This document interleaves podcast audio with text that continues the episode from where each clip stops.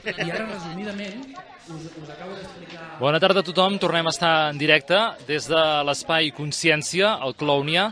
En aquesta edició 2019, la veu de Sant Joan de les Abadesses, la ràdio municipal de Sant Joan, torna a ser present en aquest espai i torna a oferir aquest granet eh, de sorra per col·laborar en aquesta reflexió conjunta que es fa amb entitats, persones, col·lectius que poden aportar algunes idees, algunes reflexions. Recordem que aquesta edició del 2019 del Clownia, en aquest espai Consciència, eh, hi ha el lema El capitalisme mata el planeta. És el lema, l'eslògan escollit per aquest any i, sens dubte, eh, aquest moviment que ha sorgit arreu del planeta, especialment entre els estudiants adolescents que reclamen un futur digne pel que fa al tema mediambiental és el que ha marcat segurament aquest 2019 i també el Clownia se'n fa ressò. Nosaltres, però, portem altres qüestions, altres temes, en referència a algunes de les entitats que participen en aquest espai consciència i que tenen el seu espai en aquesta esplanada on es du a terme el festival. Eh, són diferents entitats que presenten els seus projectes, que aporten informació sobre quines són eh, doncs, eh, les, els seus objectius i ara, en aquests 20-25 minuts que tenim per endavant, parlarem sobre la comunicació i parlarem sobre l'educació. Dos camps que, sens dubte, avui en dia també plantegen molts interrogants, plantegen moltes qüestions que tenim damunt la taula i per parlar-ne tenim els nostres convidats que ara mateix presentarem. Um, comencem per aquí a la meva esquerra, us presento l'Arnau Carné. Arnau, bona tarda. Bona tarda. Ell ve de Tigre de Paper. També parlem amb en Jordi Panyella. Bona tarda. Hola, bona tarda. Parlem també amb la Marta Lucena. Bona tarda. Bona tarda. I finalment amb en Teo Insua. Bona tarda. Bona tarda.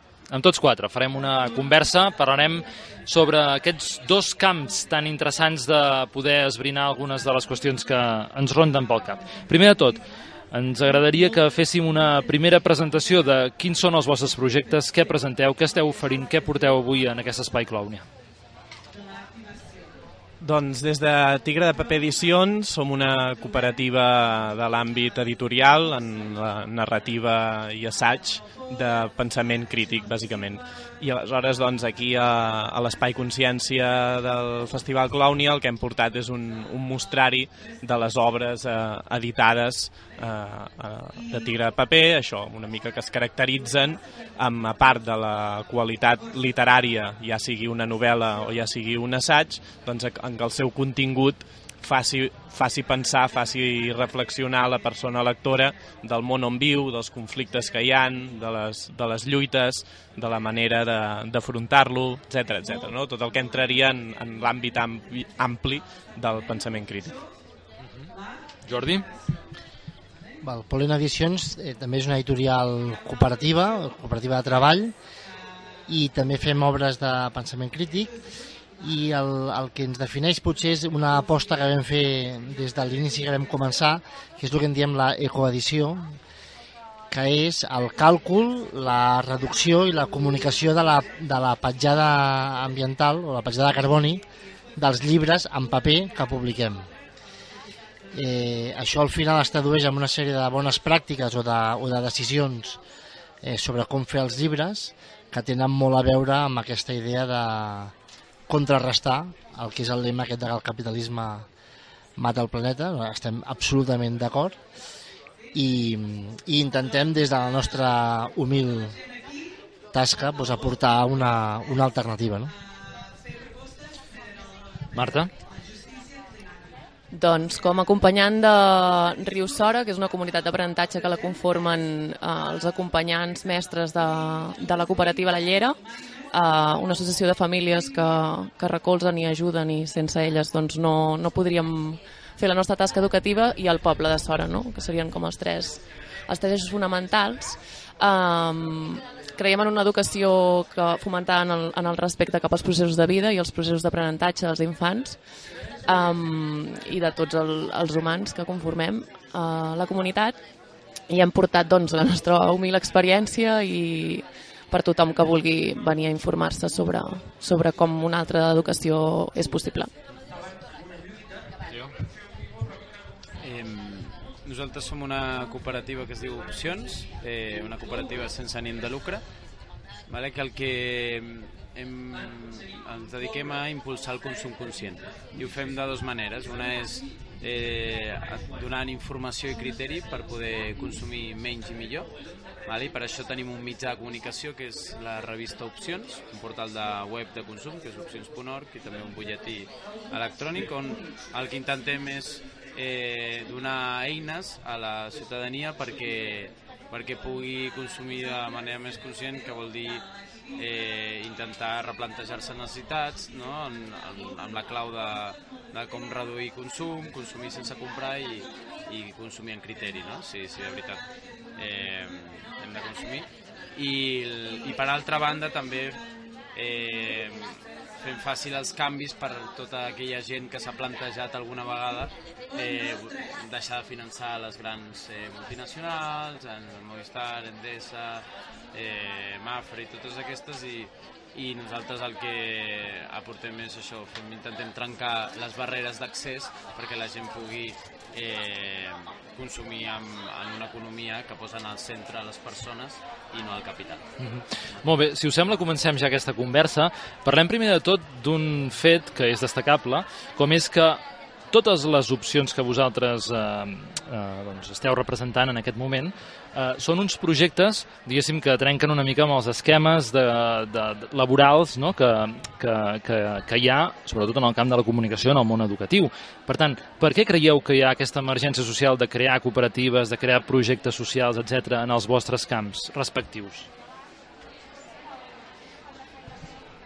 Bé, jo crec que, que d'una banda eh, això és fruit, per una banda, de la crisi sistèmica del capitalisme, de que no ofereix, ni, ja no estem parlant ni llocs de treball, encara que sigui explotació assalariada mínimament dignes, sinó que no, hi ha un atur impressionant, un exèrcit de reserva de treballadores i treballadors que no tenen treball, aleshores això s'ajunta amb aquest fenomen de l'emprenedoria, no? de, de busca't tu mateix la vida.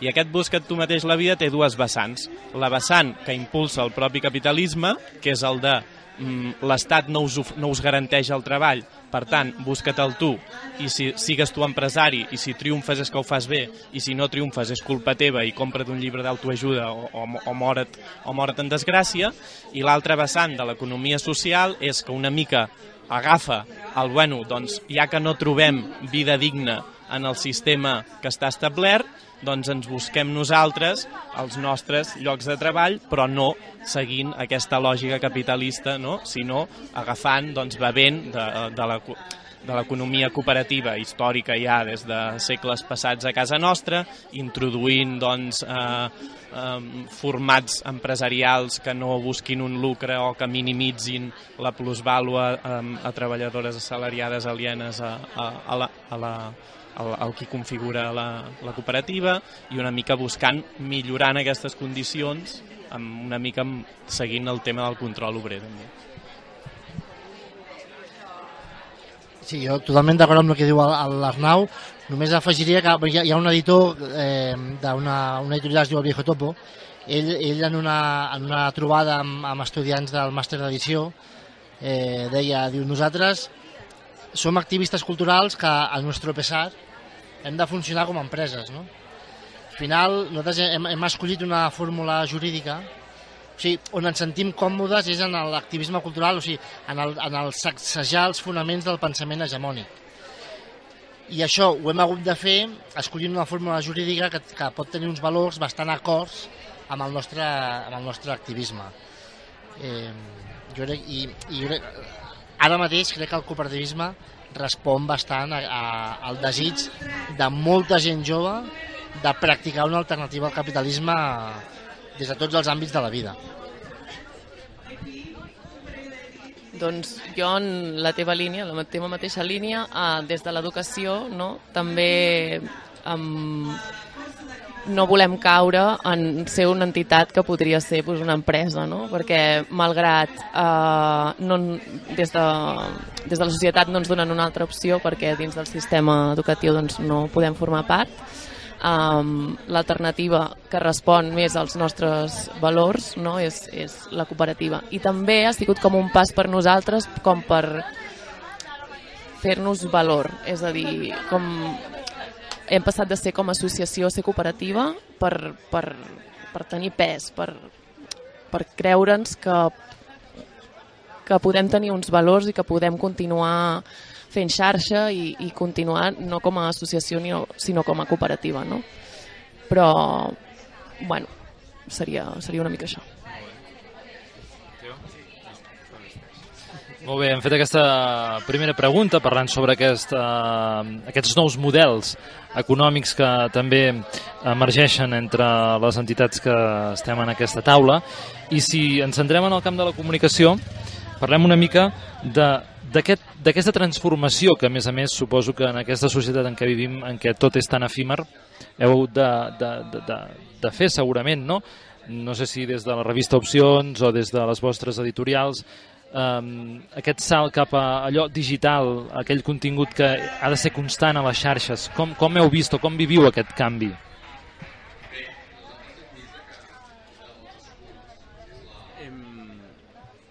nosaltres eh, que hem vist és eh, bueno, la veritat que en contingut eh, digital nosaltres estem amb el debat constant aquest de, de quin és el millor model eh, que la informació ha de ser com tota gratuïta amb, amb un suport d'unes persones o amb un, o la informació s'ha de pagar perquè la informació gratis no és o sigui, la, hi, ha, hi ha periodistes hi ha gent que està treballant que requereix un esforç i, un, i quan eh, millors condicions laborals, millor espai també als periodistes, millor qualitat d'informació. No? Una mica aquesta màxima no? de, de, de, si vols obtenir informació eh, rigorosa doncs, també has de, has de donar suport no? a aquests mitjans. Llavors nosaltres, el nostre mitjà també tenim contínuament eh, aquest eh, debat de com fer-ho. Sí que tenim un, un gruix, una base social que, que aposta, ens recolza, que, que ara mateix eh, paga per tenir un format en paper, que rebre el, el quadern semestral que enviem en format paper, eh, però el, el, que tenim és eh, també les persones subscriptores i sòcies d'opcions el que, el que estan col·laborant és perquè també tots els continguts gratuïts que volquem al, a les, al, al mitjà digital, que és accessible a tothom, que arribi no, a molta més gent. Llavors, a vegades, no sé, no sé si aquí no hi ha cap representant de, de crític o així, però o, o d'altres mitjans, però moltes vegades les, els subscriptors, les persones que donen suport a aquests mitjans cooperatius, vale? el que volen és que existeixi no? a, a aquest mitjà. Vale? I volen, donen suport a tot el projecte. No paguen tant per un contingut específic, 50 cèntims per un o, o 3 euros per un article. Les editorials, com viviu aquest món digital? Sí, jo, per complementar una mica part de, del relat, que, que el podríem agafar també des, de, des del món editorial, clar, quan parlem del món editorial en l'àmbit del, del llibre, aquí entra en joc el, el conflicte entre la tendència a tenir una informació de titular cada cop més ràpida que no, de la notícia immediata, de lo important és el titular d'avui, demà ja no me'n recordo i em dedico a una altra cosa, el món del llibre tradicionalment és un, un consum cultural més pausat i més reflexiu.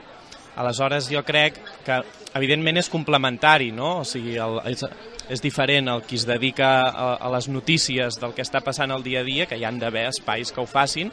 L'altre tema és si amb un sol titular n'hi ha prou o qui escull el titular en base a quina informació, si està treballada a nivell de rigor periodístic amb gent treballant amb això o, o tibes d'agència perquè no tens ningú en plantilla o no pagues... A, no? És, que és el debat. Però en el món del llibre jo crec que, que la, fun la funció que tenim és el de que la gent reflexioni pausadament, no? És el fet de, de, gener, de generar cultura en l'àmbit en el més ampli, ampli sentit de la paraula, no? el de generar el sentit comú, el de que quan una gent llegeixi un titular pensi d'una manera o d'una altra, perquè tu amb, amb un titular sobre eh, ha arribat una patera amb no sé quantes persones a una costa del nostre país, aquest pot ser titular. I depèn del bagatge cultural i dels valors que tu hagis après, això tu pots prendre com és una invasió o tu pots prendre com és que darrere d'aquest viatge hi ha un sistema d'explotació internacional que ha fet que hagin de marxar i el nostre deure és donar-los tot, el, tot el suport possible. No? I per tant, des del llibre jo crec que entrem en aquesta funció més, no? Que, que no es veu més en el dia a dia i que a part en, en, en els mitjans tecnològics sí que és veritat que existeixen els llibres digitals però aquí encara hi ha una cultura bastant establerta de la lectura en paper quan es tracta d'una lectura no d'una no notícia o d'uns pocs, o pocs minuts. No sé si Jordi volies afegir alguna cosa. Només, o sigui, totalment d'acord amb el que han dit el Teo i, i l'Arnau. Eh? Només un, un exemple que, que ve a reforçar aquesta complementarietat. No? Hi ha una editorial de Madrid que és Traficant des de Sueños que tot el que publiquen en paper ho pengen en PDF en lliure descàrrega. Lliure no vol dir gratuïta, o sigui, has de, tenir, has de pagar connexió a internet per descarregar-t'ho, però tenen tots els llibres amb descàrrega gratuïta eh, lliure a la seva web.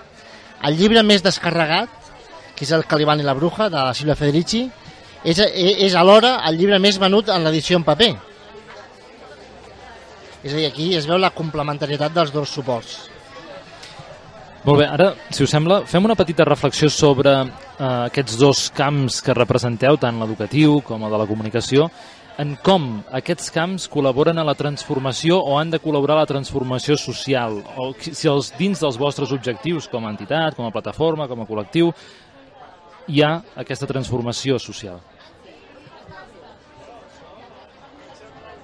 Doncs com, com a representant dins del camp educatiu està clar que els infants són el planter d'una futura societat, no? i mm, just aquest curs hem fet com un procés de reflexió eh, perquè el, la majoria de projectes alternatius, no? educatius alternatius, tendim a explicar que posem l'infant al centre, no? I mm, amb el, amb el temps ens hem adonat que això està fent que els infants es sentin eh, egocèntrics no? dins del planeta. No? O sigui, tothom està al seu servei. No? I veiem que alguna no funcionava, no? que alguna cosa, alguna cosa ens havíem de, de plantejar.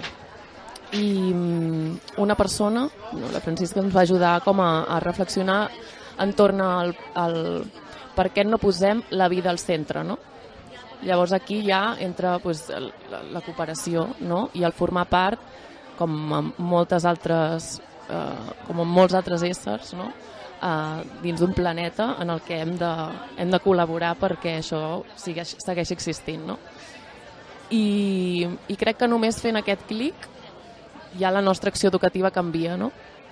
llavors eh, jo crec que tots els, els, els centres educatius o totes les entitats que treballen en educació haurien de fer aquest plantejament posem la vida al centre i treballem perquè això segueixi, segueixi sent, sent, sent així, no?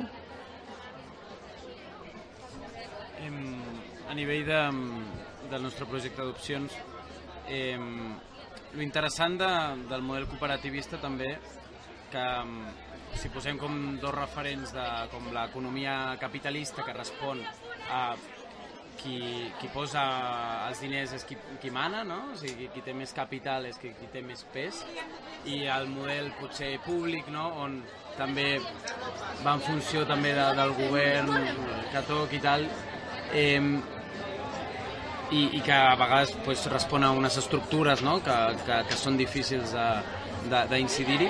El model cooperatiu, clar, el, nosaltres estem subjectes a les decisions dels nostres socis, no? dels 4.000 socis, Som Energia té 57.000, doncs els 57.000 socis.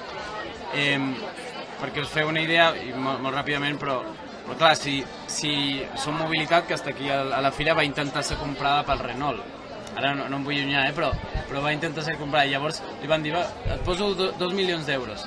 Llavors, eh, clar, ho han de decidir els, els 8.000 socis sí que, que té Som Energia que poden vendre-la, però evidentment a Renault va ten, tindria un vot no, a l'assemblea, llavors eh, en això vull dir que quan adreçant-me a la pregunta que ens feies de, de transformació social, clar, nosaltres, el nostre projecte el que vol és eh, donar aquestes eines, aquesta informació per eh, poder tenir una altra mirada sobre el consum. Fins ara, el consum, molta gent que està aquí al festival té com segurament un, un, un rebuig no? contra el, el consumisme. No? I, el, I nosaltres el que diem no, és que la, el consum és una, una poderosa eina de transformació social. L'únic que hem de tenir la, les eines, hem de saber tenir tota la informació, hem de crear-nos el nostre propi criteri eh, per sobretot com poder reduir el, el consum, com poder o sigui, tenir aquesta triple, aquesta mirada no? de reduir consum, consumir, eh, replantejar-te necessitats de consumir eh, sense comprar, accedint a l'ús i comprant amb, amb, amb criteris ètics. Llavors, això en, el, en els mitjans de comunicació eh, jo crec que, el, que és bàsic com donar suport eh, a totes a, si tu creus en un projecte pues, has de donar suport en, potser amb, amb voluntariat, potser eh, fent-te treballant, fent-te fent soci de treball, accedint no, a, a, a aquella forma d'economia eh, articulada o el, sent un soci consumidor donant suport també econòmic no, per, perquè si de veritat ens creiem aquest model pues, l'hem de fer créixer entre totes. Sí, Bé, des de l'àmbit de, de la cultura i en aquest cas de la literatura, doncs evidentment formem part d'aquest intent de transformació social. Nosaltres som conscients que, que vivim en lluita de classes constants i som conscients que nosaltres formem part de la classe treballadora i en el relat cultural doncs, ens estan bombardejant contínuament des de diferents àmbits, no? des de la indústria cinematogràfica, des del mateix àmbit de, del llibre, des de, de telenovel·les, des del de món de l'oci cultural en general i aquí s'estan enfrontant també dos models de com prendre't la vida i com participar en ella.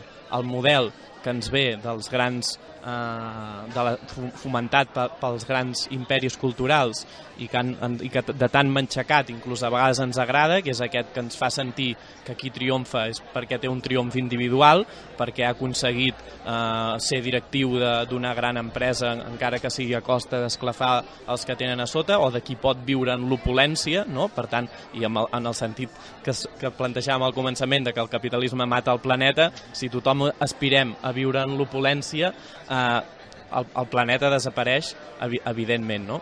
I aleshores, doncs, nosaltres, des de l'àmbit editorial i des de la literatura, intentem això, plantejar un canvi de percepció de la gent, que la gent llegeixi i no tingui referents eh, èxits de grans empresaris eh, individuals que no s'explica com han arribat a aquest èxit, sinó que, que que vegi l'èxit amb les lluites col·lectives, en, en la humilitat de, de, de viure del que tenim i de repartir-ho equitativament i de, i de combatre totes les injustícies, de recuperar la memòria de les lluites obreres, de les lluites dels moviments socials, etc etc. i en això estem. Jordi? Sí, només un, un, un, faré un salt perquè ara parlaré de, del tema educatiu, eh, no com a educador, sinó bueno, com a pare d'una criatura que va a una escola, i una escola com, en una època molt, molt preocupada no? per això, no? pel, com transformar el món des de l'educació i tal, i, i, i va haver un moment que se'ls va dir a l'equip educatiu, acompanyar i tal, dient, escolteu, l'escola no pot resoldre els problemes que s'han generat fora de l'escola. És a dir, l'escola no pot resoldre el capitalisme. L'escola pot fer que la canalla es qüestioni el capitalisme, però no el resoldrà. Igual, I això el mateix, el racisme, el patriarcat, o sigui, poden eh, fomentar una mirada crítica versus els problemes de la societat, però no resoldre'ls. No? I això va, va com desestressar una mica el, el que deia la Marta, no? de dir, ostres, ens hem de compte que, ei, un moment, eh, potser o sigui, desresponsabilitzem-nos de problemes que no són nostres bueno, no, no, no, no seria ben bé aquesta la conclusió, eh? però situar els problemes a, a, a on estan el, les seves responsabilitats. Molt bé, ara són un quart de vuit, ja estem a punt d'acabar aquesta taula rodona perquè en breus instants començarà en aquesta carpa principal de l'Espai Consciència eh, una altra de les xerrades que hi ha programada, però abans que comencin sí que tenim potser 30 segons cadascú per fer una petita reflexió eh, de cara al futur, fer una, un una petita visió de com veieu des de la vostra posició, ja sigui personal, sigui des del lloc on treballeu, sigui des de la vostra perspectiva de l'entitat, um, com anirà el món de la comunicació, el món de les editorials, el món educatiu cap a... i com ho podem eh, doncs ara els nostres espectadors que ens estiguin veient o la gent que ens estigui escoltant i també interessat. Comencem per tu, Marta, Marta perquè l'any passat vam tenir també una altra persona de, del vostre projecte de Riu Sora i que, mm, en fi, estaven, estava molt il·lusionada no? de com començava el projecte i com estava i, i si et sembla comencem per tu i ens expliques als oients, als espectadors com us està anant el projecte i, en fi, quines són les vostres perspectives de futur. Doncs el procés és que ens, ens hem constituït com a cooperativa dins dels passos que estem donant. Llavors l'escola creix i, i estem molt contentes perquè per ser un poble tan petit com Sora no? I, i tenir tants infants que venen d'altres espais eh, ens fa plantejar que, que la societat camina cap a, cap aquí, cap a... necessita, hi ha una necessitat real de buscar alternatives educatives. Eh, I una mica el que deia ell, eh, som, o sigui, no som els responsables de, de, del que passa i ni els infants han de, han de solucionar el que passa al món, però sí que som responsables d'acompanyar el que passa en ells respecte al que veuen, no? I això o sigui, són els mateixos infants, els que estan a casa que els que, els que estem a la, els que hi ha a l'escola.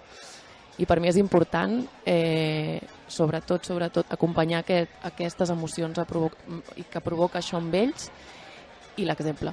O sigui, per nosaltres és super bàsic l'exemple. Si nosaltres formem part eh, activa en la societat en el món, això eh, es veurà reflectit en l'estructura pedagògica de l'escola, en el projecte educatiu i, en conseqüència, en ells segur que deixarà petjada, segur. Molt bé, gràcies. No sé si algú més uh, vol fer... No sé, Teo. Sí, eh, jo crec que el, ara el món cooperativisme està visquent un, mon, un moment dolç també, per exemple, en el món educatiu, no sé si heu vist que hi ha tots els projectes de cooperatives d'alumnes.